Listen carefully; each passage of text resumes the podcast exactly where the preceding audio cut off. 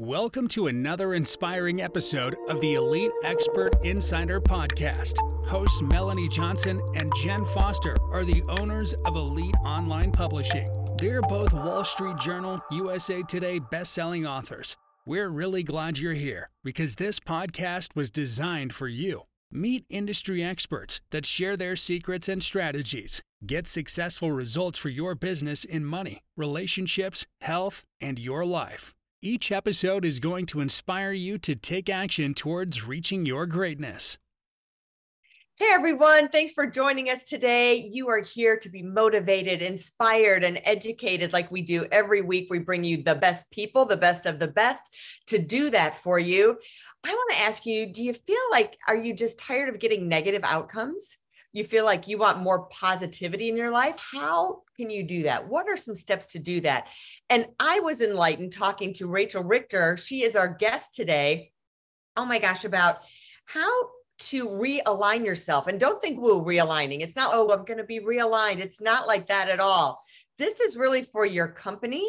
And as we talked about for your company, and I don't think, oh, oh, I'm not, I don't own a company. But oh my gosh, the things she's going to teach you today, you can use for your personal life, for your family, for your children. If you feel like you can realign with them and just get these positive outcomes. And it's about being innovative and being connected and deciding what success looks like for you is all coming up with this alignment. So we are going to dive in with Rachel Richter. She is the owner or one of the managing partners and founders of Inlign, and she has had an amazing life. She's going to tell us all about it. Rachel, thank you for coming today.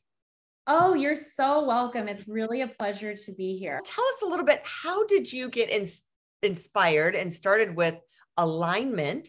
Because it's not something you hear every day in business. I find that I'm pretty savvy, and I was like alignment. I don't hear that. We're coming in to be an alignment coach for you or a process. So tell us how your journey started and took you into this field.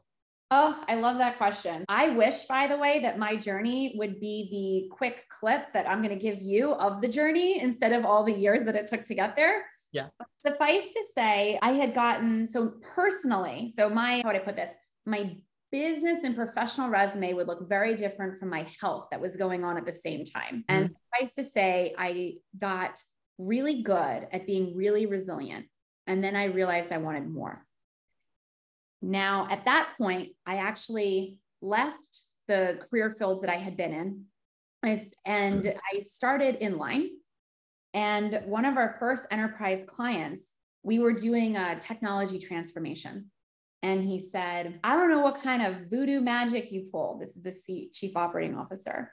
I don't know what kind of voodoo magic you pulled, but our board is happier. Our people are more engaged, and you've unlocked revenue for us. The alignment you gave to us is rare. I can't go buy this at McKinsey or Accenture or anywhere else. This is the value that you're doing. And I thought, oh, okay. So the thing that I always thought throughout my entire career mm-hmm. was uh, around technology and finance and innovation, I always thought that the table stakes to doing the real work, the real work was the technology, the table stakes was alignment, because how else are you going to create transformation? The tech doesn't transform itself. People do. A lot of people in technology are the ones that a lot of times don't recognize this, but that's a, a little joke and an aside but that's the value is the tech. And I thought when he shared this with me around the alignment, I thought, wait, what? That's obvious. I've been doing that my whole career. That's what this, oh, so this is rare. Okay, let's go all in on alignment then. Because if you don't have alignment, how are you going to achieve next level results? So that's when we went all in. Wow. So, what are some of the roadblocks that people have to finding alignment within their company? And how do they even identify that they're having misalignment? Two part question there. I love that. So, one of the biggest things that I like to talk about around the idea of misalignment, and like, how do I put this? So, the way we work with companies is you are where you are. That's why you're engaging with us. So, clearly, you've had a certain level of success, right?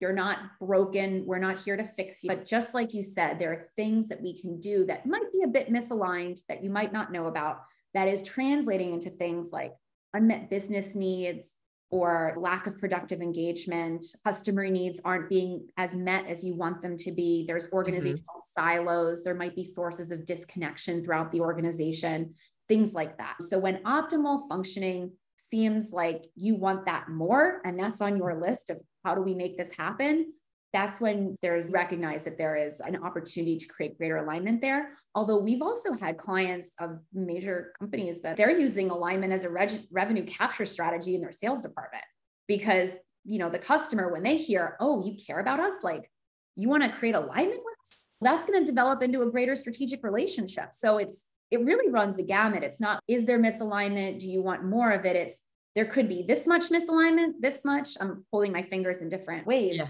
And then it could be, we're doing great, but we know that to get to the next level, we have to create greater alignment with all the stakeholders involved, not just the people that we normally work with. All right, so let's dive into how to get this alignment. What are the things that you do when you walk into a group or an organization to get that? Yeah, that's a great question. So, one of the things we do, and this is a company practice, by the way, so it would work a bit differently if we're working one on one with an individual, which we also do, but we do what's called an executive alignment 360, where mm-hmm. we're actually taking the time to dig into the organization itself and really start to get everyone on the same page to super start charge any strategic initiatives that are going on and to create buy in among the people involved and to mm. really enable a better shared understanding so that as we go forward and recommend the step two of our process, which is an alignment action plan, people mm-hmm. are already on the same page and they want to create that greater alignment because we're starting with engaging every single person. And I'm pointing to myself now, every single person from them. Like they mm-hmm. matter, not just the organization that matters, every person involved matters. So how do you move forward? Do you uh, oh, it's almost like therapy. I'm feeling like it's finding out who is having misalignment within the group, whether it's a family, whether it's an organization. Let's take it like you're working with an individual. What are some of the things that you identify and then what are you things that you have them implement to change this alignment? So the idea and let's actually go back to something that you and I were, were talking about even before before this conversation started which was what does alignment mean like probably has a, a, bit of a different understanding of the word, although we implicitly understand how that must ourselves, maybe to a certain extent. So we actually went back to the drawing board because when this person had said what you the alignment you've created for us is so valuable and so rare i thought let me get that word right. And i looked up the definition of the word and i thought really? That's the definitions? This doesn't align with the alignment i gave them and I don't think anyone would agree with this, this context. And so what I did was I actually went back to the drawing board and thought, what does this word mean? If we're focused on mm. actions and outcomes, how do we know from the word whether or not we have the alignment we want? And it's and so we created a definition and then battle tested it with some great people in different fields, PhDs in building culture and who are former diplomats and things like this. And anyone who's going to create alignment is those people coming from those fields would know if this definition is spot on. And so what we came up with was when actions, when your actions accurately reflect your priorities and your intentions, then you know you have alignment. All right, say that again. When your actions reflect, say that again. When your actions reflect your priorities and your intentions. Okay. And in, said in other words, when your intentions priorities and actions when they all connect. When they all connect, you know you have alignment. When those have less connection than you would like, or maybe they're disconnected, then you know you have the opportunity to create greater alignment there. That's almost like a great test when you're trying to make a decision about something. I love that you went there because to me, if it doesn't become actionable, why are we doing it? Like art exists because it's actually on a canvas. It didn't just stay in someone's head. Neither did a book. It became a thing. And so mm-hmm. you got to take it to that level. Outcome has to be at the forefront of all your actions. And it's not going to be a satisfying outcome if it doesn't trace back to the intention with which you which with which you've been acting this whole time. Yeah. And if you know what your priorities are, so you have to set your priorities, right? These are my priorities, yeah. whether it's personal priorities, whether it's business priorities, and you have to set your intention you have to know what those are. Do you have a process to figure out what someone's priorities and intentions are? Because sometimes that can be overwhelming. Like I've asked the question before, and I'm like, I don't know what my priorities are. like, okay, we need to work on that. Let's start with that. Yeah. So I like to trace it all back. So that's why I say when your actions reflect your priorities and your intentions, because the first thing that someone would ask was, What is my intention? And the implication in there is something that I truly love, which is I get to choose it. This isn't the purpose. This isn't the mission. This isn't what someone told me to do. My intention is my intention to mm-hmm. choose it. What is my intention really? Underneath the fear, underneath the I need to know every step in order to go forwards what is the intention? Mm-hmm. When you have a deep, quiet moment with yourself, that becomes a lot clearer when you're not expected to follow up on any how in the moment. This is mm-hmm. only your intention. It people have a discernment that I think I have a heavy math background and I led for many years, which is probably what got me sick with the idea that my my body was like an Uber for my brain right? Mm-hmm. Kind of like treating a smartphone as something that just makes calls, like you're missing the whole point of the device. Yeah. so, so I over time recognized, okay, this thing is super smart and wonderful. I'm pointing my head right now, but really, it's this does not it's not supremate. It, this isn't dominant over my body and my discernment, and that intention isn't from a cognitive studied place. No one's going to look up the data to figure mm. out tension. This is a what state are you desiring to be in or become or create? Right? This is much deeper than that. Priorities are then, of course, the things that you would consider highly important and have significant impact on that intention, which mm-hmm. then would translate into your action steps. And I'm even equating it to so you can use this in your company to figure out, like, for your brand, like you can put it through all different levels of your company your brand, your individuals that work for you for a department. What are the priorities for this department? What's the priorities for the sales department, the customer fulfillment department? What are the priorities? What are the intentions? And getting to that quiet place. And then I'm going to equate it because you and I talked in the green room and even here about using this for families and things. And you could even use it if you're for your children like why do i have to go to college why do i have to do my homework let's set what are your priorities for this year this week this your life and what are your intentions and getting to that space and then what actions do you have to take to get there so it's motivation in a way when you set this they're getting motivated to do those things yeah from their own self because homework is something you've been told to do but mm-hmm. maybe a purpose at the company that's not necessarily something you've chosen right the mm-hmm. mission chosen but what's your intention for being there that's something you're choosing yeah. now it would be a very different story if your intention does not align with the mission, then it's really a question of why are you there to begin with? What are mm-hmm. you doing here? But a lot of times, if as long as the intention is mutually beneficial to what's being asked, then it's simply a way of plugging in and seeing and understanding what someone else's intention is and what your intention is. As long as it's mutually beneficial, you get to win together. Yeah, I think that's a good way for an evaluation to see if an employee is a good fit for you. 100%. Right?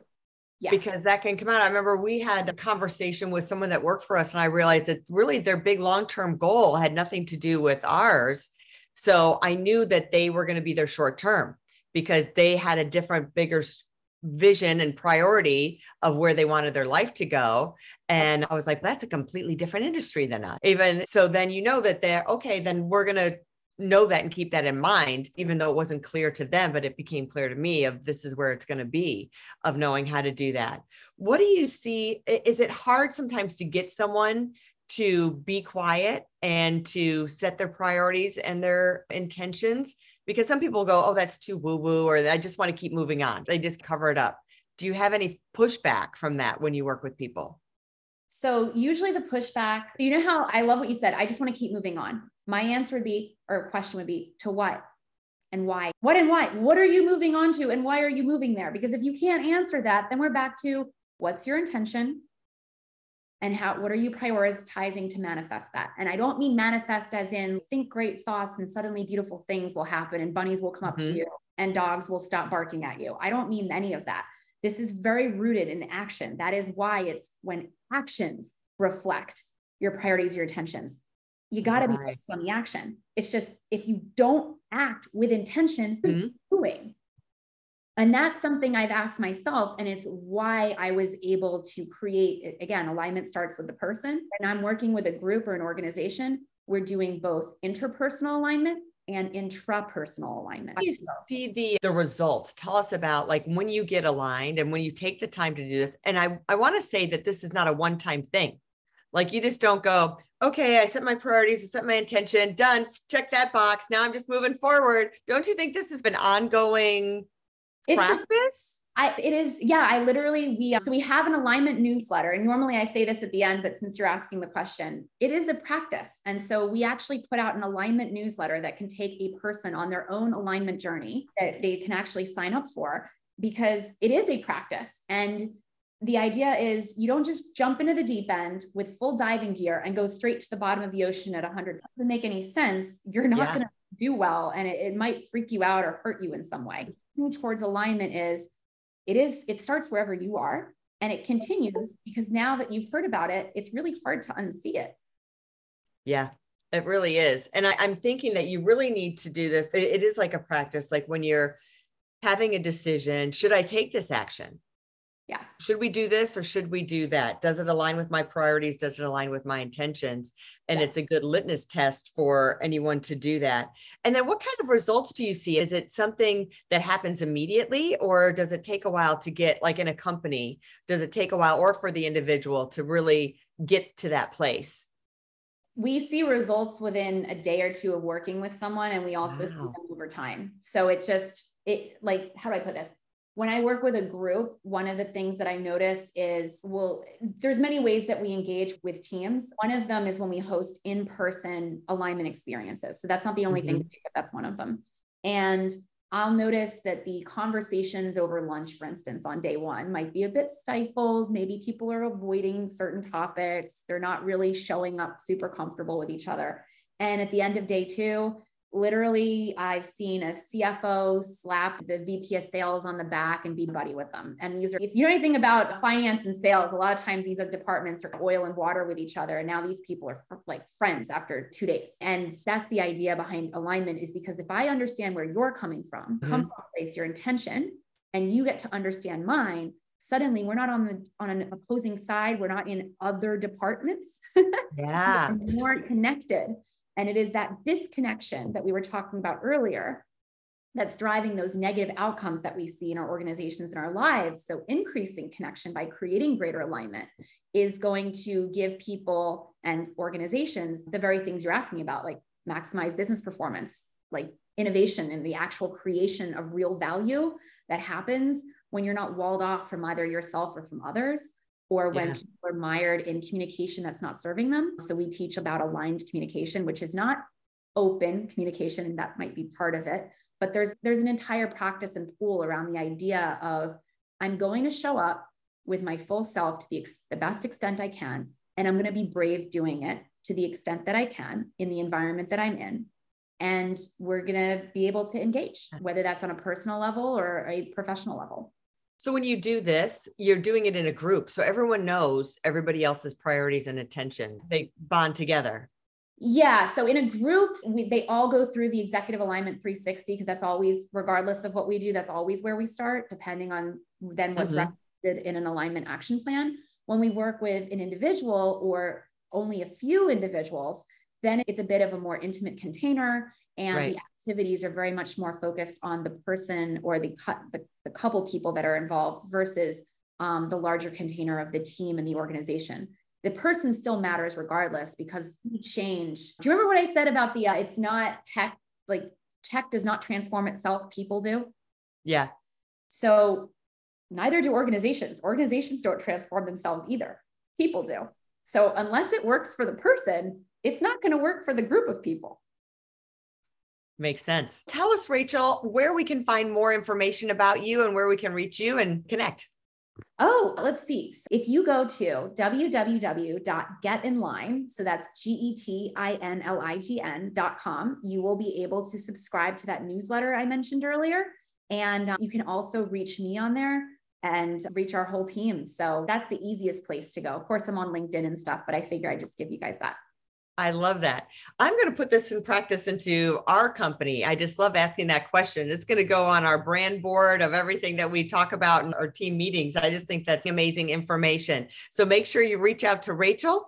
And if you're looking to become an author, we guarantee you'll be a bestseller when you work with us. If you are a good fit for us, we don't take everybody, but go to our website, Elite Online Publishing, hit that author submission button, and have a fabulous week, everyone. We'll see you next week. Bye bye. Hey, are you looking to increase your revenue, build credibility, and elevate your brand? This podcast is brought to you by Elite Online Publishing, an innovative publishing and full spectrum marketing company. They will publish and market your book to make it a number one bestseller. Becoming an author is the best way to market your business. So contact them at eliteonlinepublishing.com today. All of their authors become number one bestsellers.